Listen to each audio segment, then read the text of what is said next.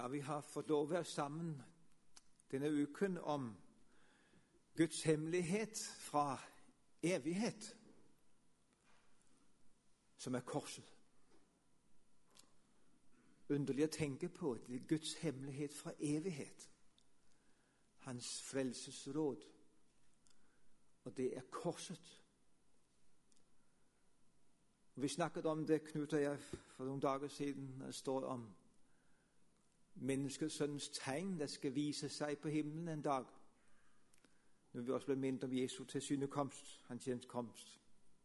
Hva er det for et tegn, mon tro? Og så har jeg min helt private tanke om det. Men den stemte med Knuts. Det var interessant. Jeg tenker på om det ikke er korset. Menneskesønnens tegn. Vi har ikke noe bibelord om det, men ja, det er i hvert fall det der kjennetegner menneskesønnen. Det er korset. Og alt stråler ut fra det. Og alt som forkynnes, må ha det som sentrum og basis. Og Nå skal vi så samle litt sammen på det vi har vært sammen om i ukens løp, ut fra Hebreabrev 10, men først skal vi be sammen. Vi takker deg, Gud i himlene, for korset. For at du i din visdom fant en utvei for å frelse en fallen menneskehet. Men at det skulle bli korset, forundrer oss. Ja, vi må forundres over det nå og alltid. At du var villig til å betale den prisen for vi skulle reddes. Velsign oss, Herre, nå fortsatt. Ditt ord på våre hjerter. Åpne våre hjerter for ditt ord og ditt ord for oss. For Jesus skyld. Amen. Hebreabrevet kapittel 10.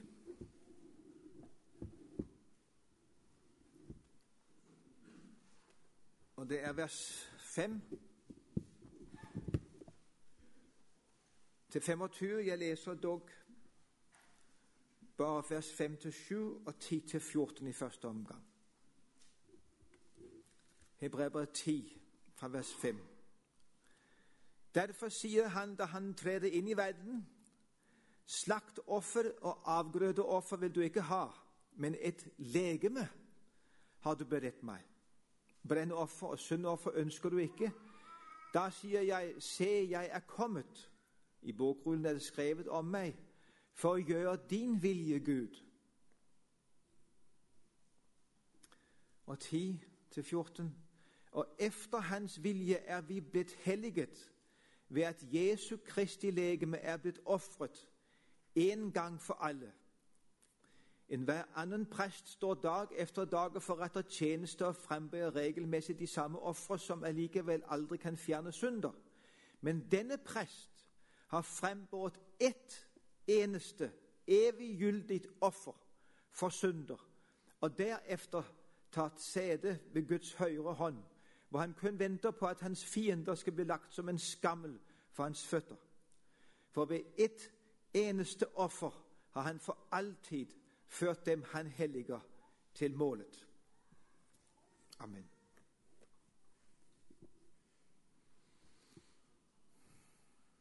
Det var en del av budskapet til hebreerne. Hebreerne var jo strålende kristne. Strålende eksempler på sanne kristne. Der utstod mein kamp, leser vi også her i kapittel 10, vers 32 følgende. Også offentlig. Da ble det til skue, til spott. Og de gjorde fellessak med medkristne som også hadde problemer når de ble behandlet sånn. De led likfram med de fengslede, hadde medfølelse, så det smertet dem selv når deres medkristne led nød. Og det står at de oven i kjøpet fant seg med glede i at man røvde deres eiendom Og det må jeg si, det har jeg virkelig vanskelig ved å forstå. Hvis det kommer noen og vil røve vår eiendom, hva gjør vi så?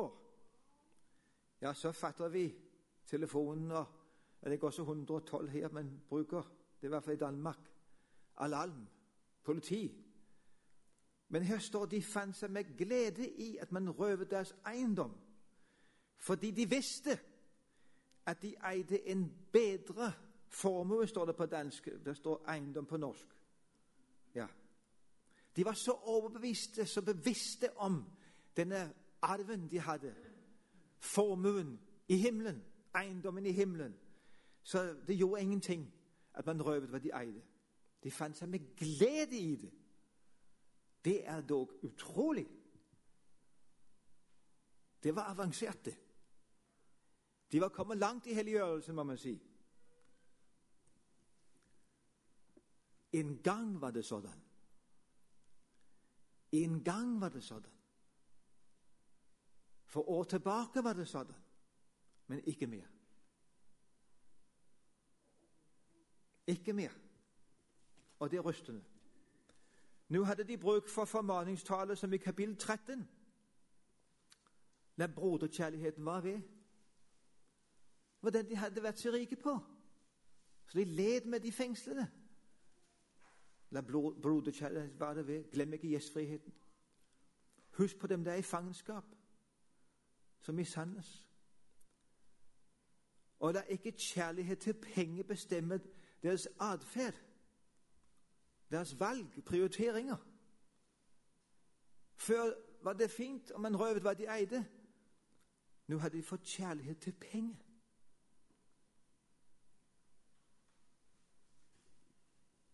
Utrolig. Ja, slik kan det gå. For kristne det var strålende eksempler på sann kristendom. Hva er forklaringen på det? Hvordan kan det gå slik for kristne? Hva var årsaken?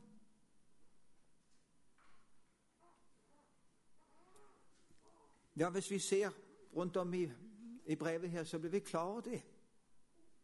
Det var, det var en klar årsak, og flere ting det hengte sammen. De hadde mistet frelsesvissheten. Vissheten om barnekåret og arveretten. Den hadde de mistet. Og mister man frelsesvissheten, så mister man gleden. Troens glede. Gleden i Herren, som er vår styrke. Ja, mister du gleden i Herren, så mister du styrken presis. Så har du ingen kraft i kampen mot Satan, mot verden, mot synden så vinner Satan, så vinner verden, så vinner synden terreng. Og det var det som skjedde her for hebreerne. Hvorfor var det godt slik? Jo, det var jo det med fokuset. Det var det med fokuset igjen, som vi har vært inne på. De hadde mistet fokuset, synet, for Jesu storhet. Han var blitt en liten Jesus. Og hvorfor hadde de det? Mistet synet for Jesus storhet? Jo, for de var blitt sløve til å høre, som det står i kapittel 5, vers 1. De var blitt sløve til å høre. Så var det andre ting det opptok, og den åndelige veksten hørte opp. Og Det er jo som Rosenius også sier det. Det burde skrives med ildskrift i hvert enkelt hjerte. Hvem tenker på at det dypest sett er forsømmelsen av Guds ord? Sløv. Man hører det sløvt, leser det sløvt. Tenker jeg kjenner det jo så godt. Legger man ikke merke til det. Forsømmelsen av Guds ord er skyld i all åndelig elendighet i verden. Den åndelige elendighet som opphører veksten. Den vekst som Guds ord taler veldig mye om. I Efeserbrevet 4 står det om å vokse, i et og alt vokse opp til Jesus. Og Paulus skriver til filipperne om deres kjærlighet stadig må vokse og bli rik på innsikt og dømmekraft. Og i Kolossenserbrevet et å vokse i kunnskap om Gud.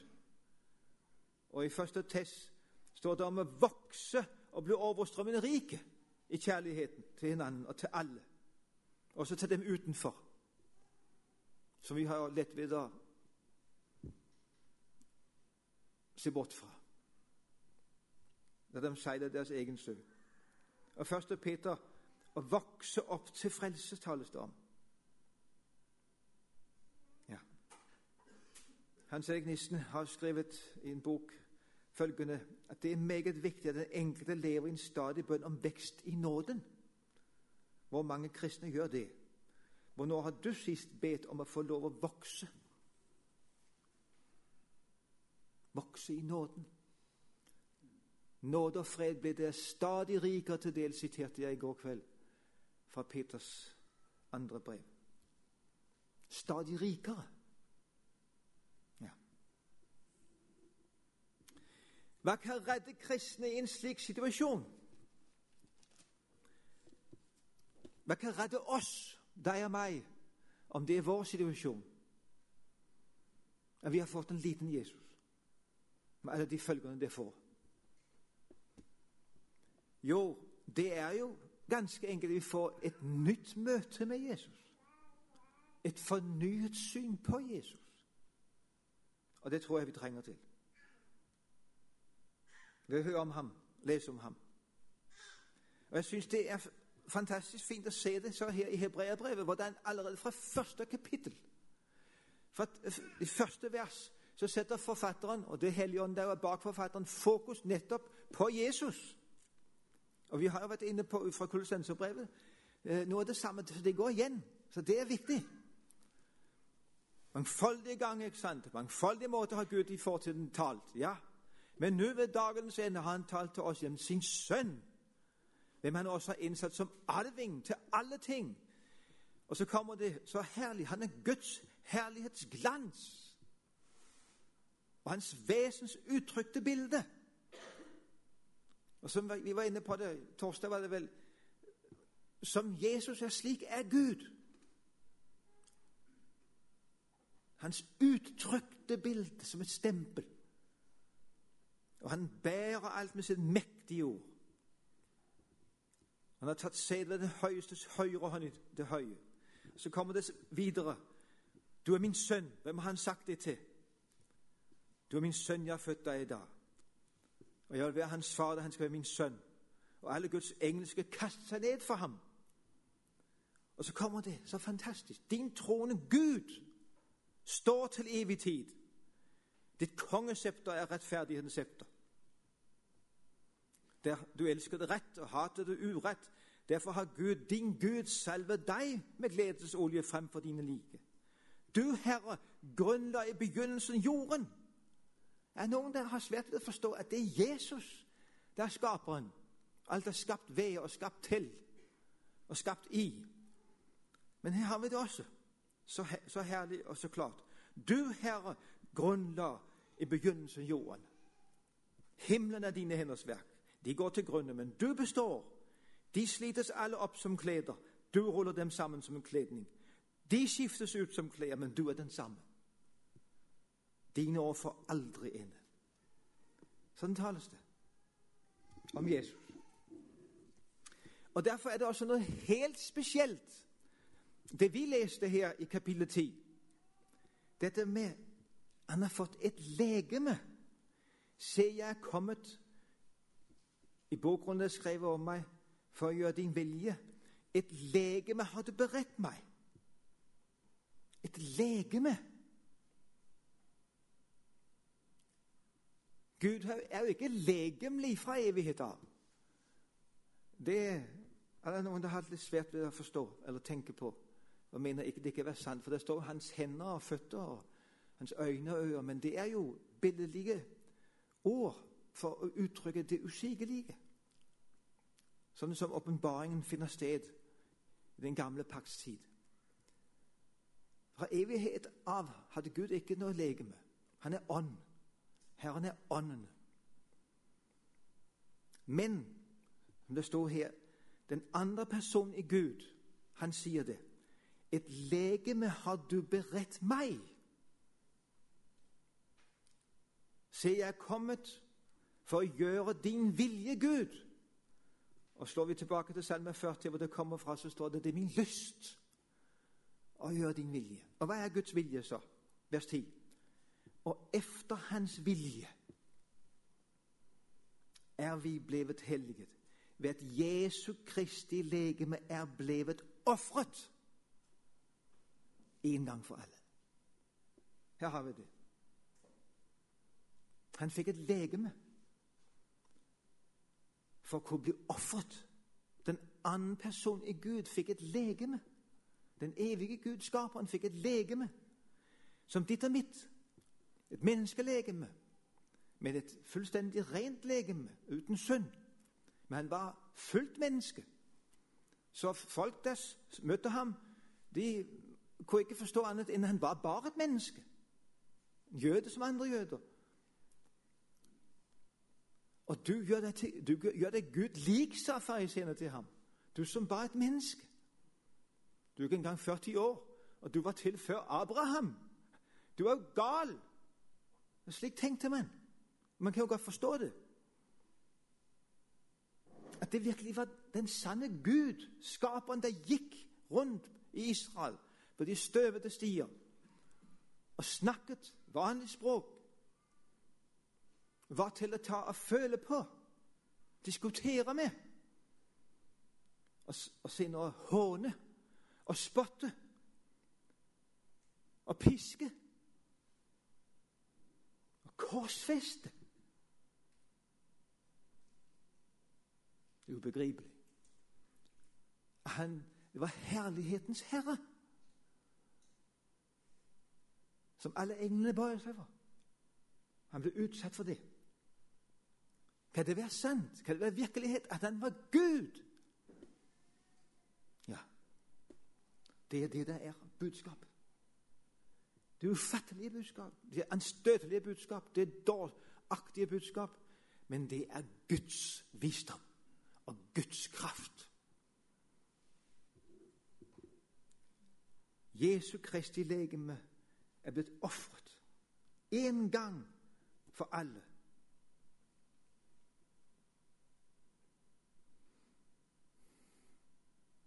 Han kunne ikke ofres uten han fikk et menneskelegeme. Så kunne han ofres. Han rommet hele guddommen. Det var vi inne på også på torsdag fra Kolossenserbrevet. Hele guddomsfuglen bor i ham. Og alle visdommens og kunnskapens skatter er skjult i ham. Og så blir han ofret. En gang for alle.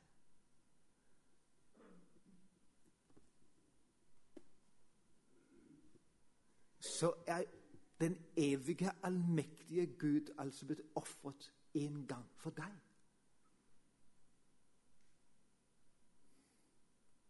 For deg der sitter her. Allmaktens Gud er blitt ofret en gang for deg. På Golgatas kors.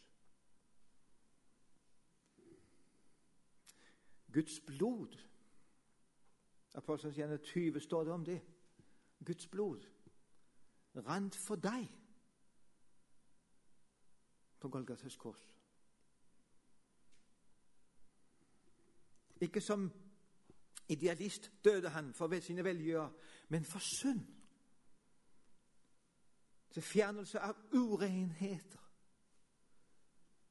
Virkelige synder. Grimme. Jeg vet ikke om dere kjenner det nå. det er ekkelt. Ekle synder. Hårmot, griskhet, utukt, egoisme, morlyst. Han har frembåret, vers 12, ett eneste eviggyldig offer. Her har vi det. Han er den evige Gud. Han har alltid vært, forblir alltid. Derfor er hans offer eviggyldig. Et, evig, et eneste eviggyldig offer for synder. Og Derefter har han tatt sete ved Guds høyre side, ved allmaktens høyre hånd. Og vers 14. For ved ett eneste offer Legg merke til hvordan det understrekes.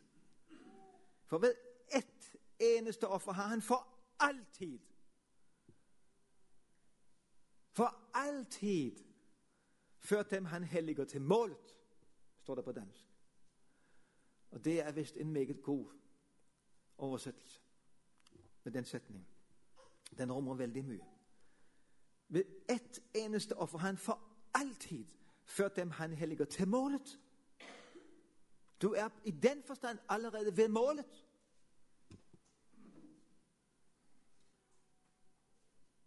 Jeg var en gang hørte en samtale Jeg var ganske ung, stor gutt, tror jeg. Snakket om en dame, en gammel dame. En kristen dame. Det trakk liksom ut for henne med Hun fortsatte å leve.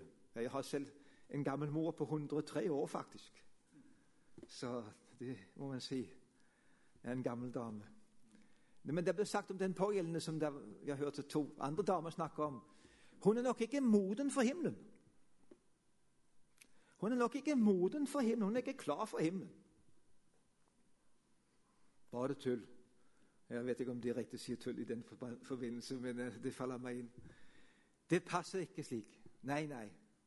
For det er slik, for ved ett eneste offer har Jesus for alltid ført dem han helliger til målet. Du er klar rett som du kommer til å tro på Jesus som din stedfortreder, og gå like inn i himmelen, Guds rik. Og det har vi jo fått bevis for med røveren ved siden av Jesus på korset. Det skulle ikke foretas forskjellige ting og saker først. Nei, han hang der med utstrakte, fastlåste armer. Fastspikrede armer. Han kunne ikke gjøre noen ting. Men i dag skal du være med meg i paradis, sa Jesus. Og han taler sant. Med ett eneste offer. Han får alltid for dem han helliger. Det ligger også det hellige at han rettferdiggjør dem. Første kor 6, 10, 11 snakker om det. Han helliger, renser, skjeller ut fra synden. Innvier til hellig bruk. Og Der syns jeg også at Luther har fått nåde til å si det så fint som Utnem her formidler det. En uendelig løsesum måtte det til for å betale skylden som var uendelig. For det var den nettopp. Skylden din og min er uendelig. Så må det også en uendelig løsesum til. Gud kunne kun forsones for denne umålelige og uendelige pris, hans sønns blod, av hvilken en eneste dråpe, sier Luther, overstiger hele skapningen i verdi. Gud selv ved sin sønns død setter sitt liv til for oss. Det er det grenseløst trøstefulle for Luther.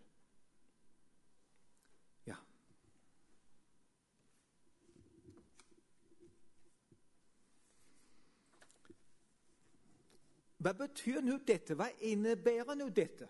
Hvilke følger har nå dette? Ja, Det leser vi så om fra vers 19 eh, til, fem, til eh, 25. Ja. Fra vers 19. Og vi tar nok et vers av gangen her. Brødre, ved Jesu blod har vi altså frimodighet til å gå inn i helligdommen av den nye, levende vei som Han har åpnet for oss gjennom forhenget, dvs. Si ved sitt jordiske legeme. Og vi har en stor, i ham en stor prest over Guds hus. Brødre, ved Jesu blod har vi altså Nå drages det en konklusjon. Altså.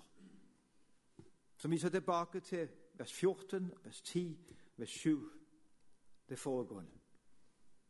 Han fikk et legeme.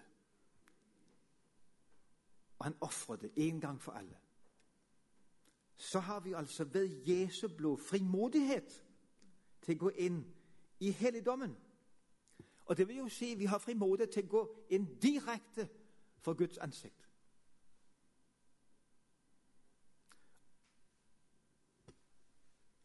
Å tale fritt, frimodighet, som egentlig betyr å tale fritt i nærhet, nærvær av en person av høy rang. Og det må man jo si. Det er en person av høy rang. Gå inn for Guds ansikt. At vi får lov til å gå direkte inn. Vi skal ikke omkring en pave eller noe annet. Nei, ved Jesu blod kan vi gå direkte hvor vi er og står, og sitter og går, inn for Guds ansikt. Det åpner oss en ny, levende vei gjennom forhenget, lyder det litt spesielt. Gjennom forhenget. Og vi forstår at liksom forhenget jo hang der og skilte mellom det aller helligste og det hellige. Den ene siden vendte jo seg inn mot det helligste, og den andre siden mot, ut mot det hellige og der videre ut til folket. Sånn er Jesu legeme. Det er det vi leste her. Det vil si ved sitt jordiske legeme. Forhenget er lignende ved hans jordiske legeme. Det er hans jordiske legeme. Det er forhenget nå. Den ene siden vender inn til Gud, den andre siden ut til oss. Så er han den levende veien på den måten. Den le det levende forhenget. Han er den levende veien som vi går på inn til Gud. Og det gav Gud oss jo en anskuelsesundervisning så helt fantastisk på på langfredag. Matteus 27, vers 51. Og se, det var i Jesu dødsstund, dødsøyeblikk.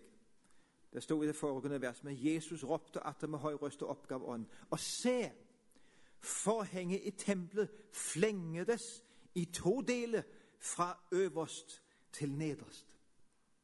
Legg merke til det. Fra øverst til nederst. Oppefra og ned. Veien åpnes ikke nedefra og opp, den åpnes oppefra og ned. Fra Gud til oss. Jeg syns det er så herlig tenke på.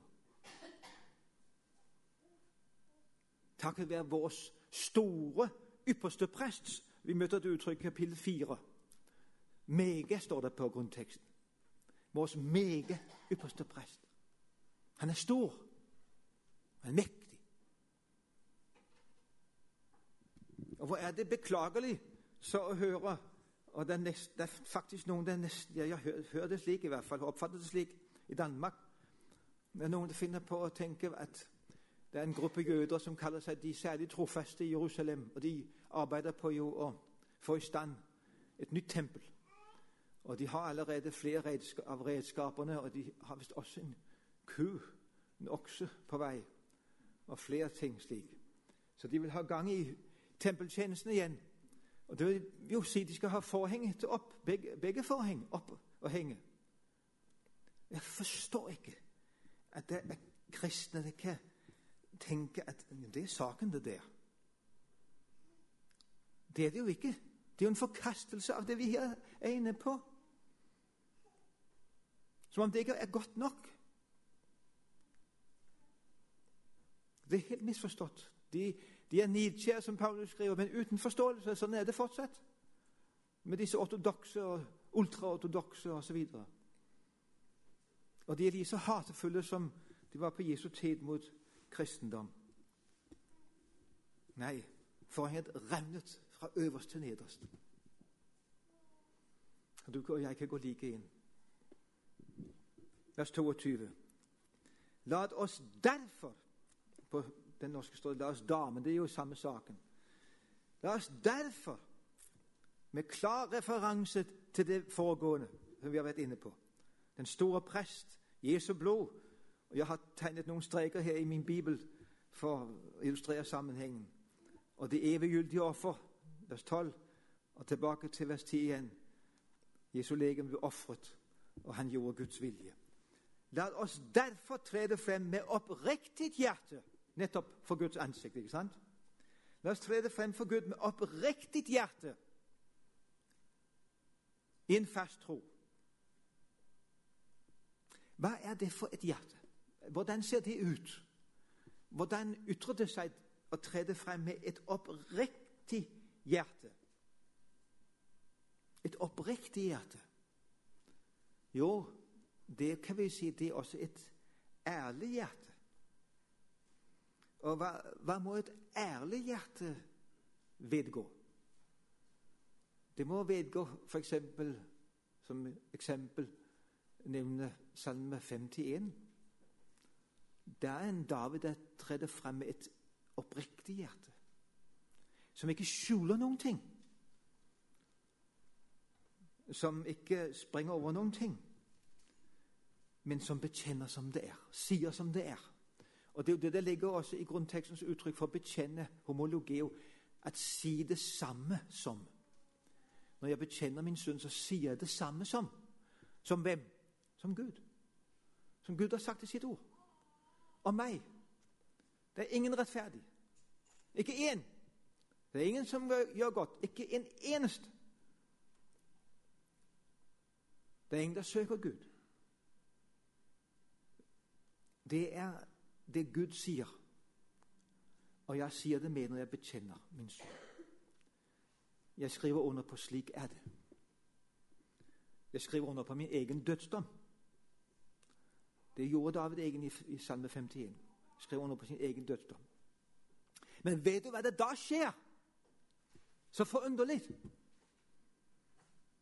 I samme øyeblikk er det renset bort alt sammen. Renset bort alt sammen.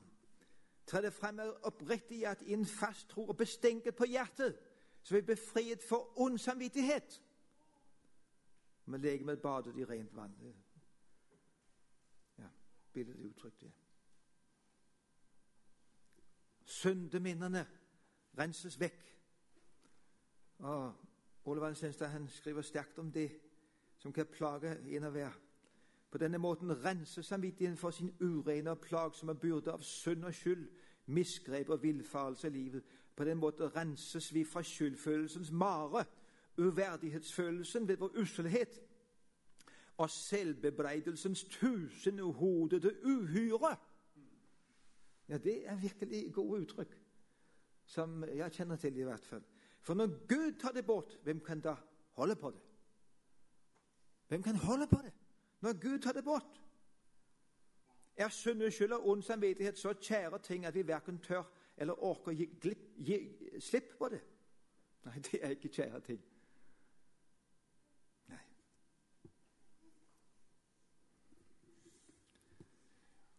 Renset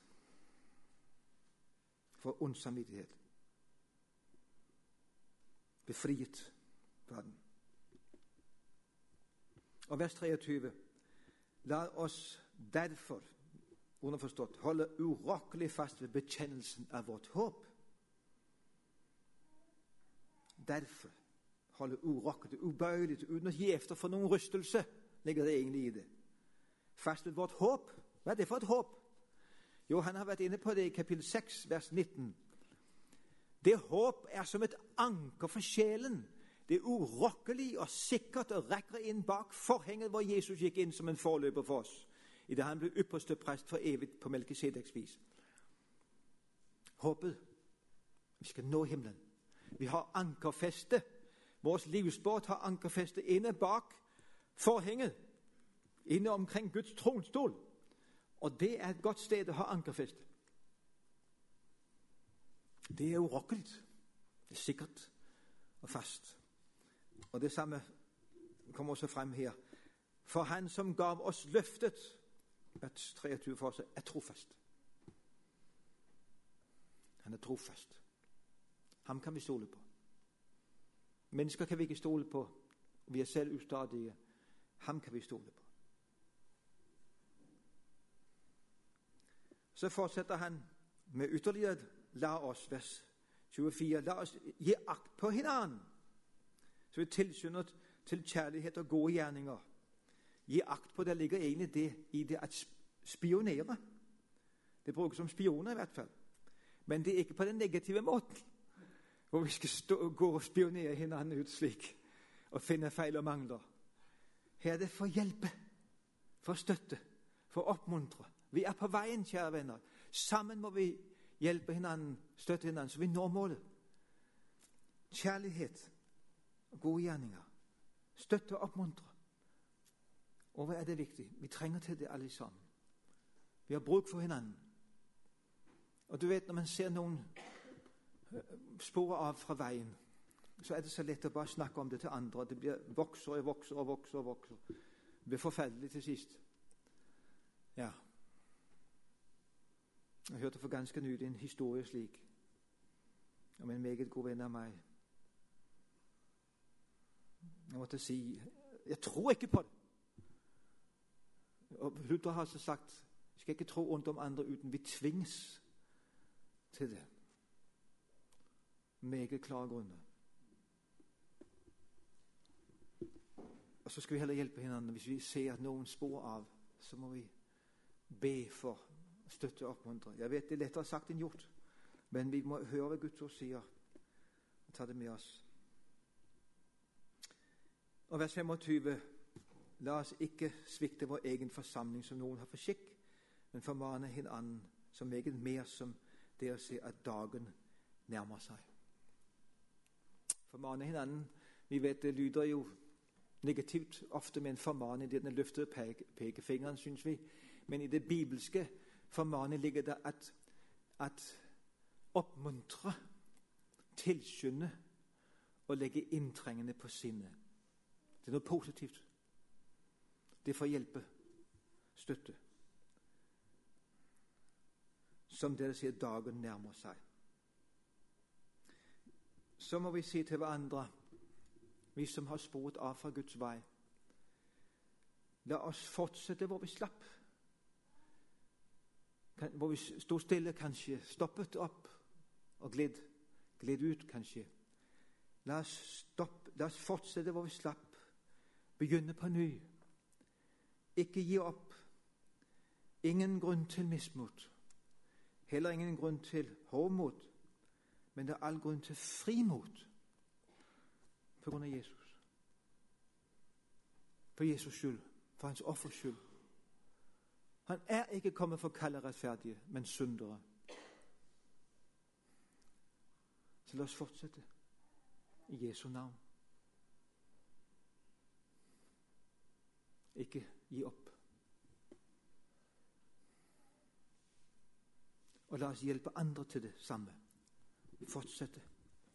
For ny, ny begynnelse. Ikke gi opp.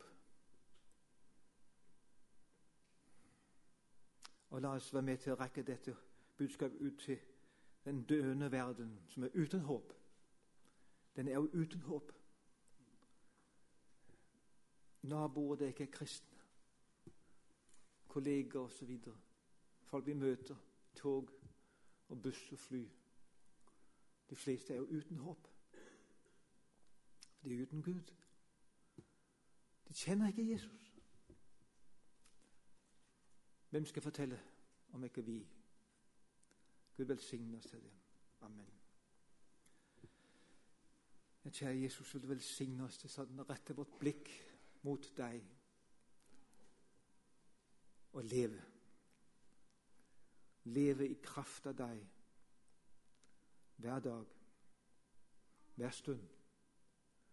Ikke leve i kraft av vår kristendom, det vi gjør eller ikke gjør det vi har planer om osv., men i kraft av deg.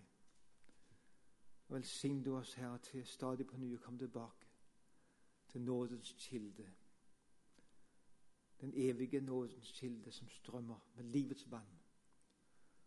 Og takk at du skal lede oss til, til kildene med livets vann i evighetenes evigheter. Du er vårt håp. Du er vårt liv. Og takk for nåden som blir åpenbart når du kommer igjen, som skal bli oss til del. Velsign oss til glede oss til den dagen. Se frem til den med forventning. Takket være deg. Amen.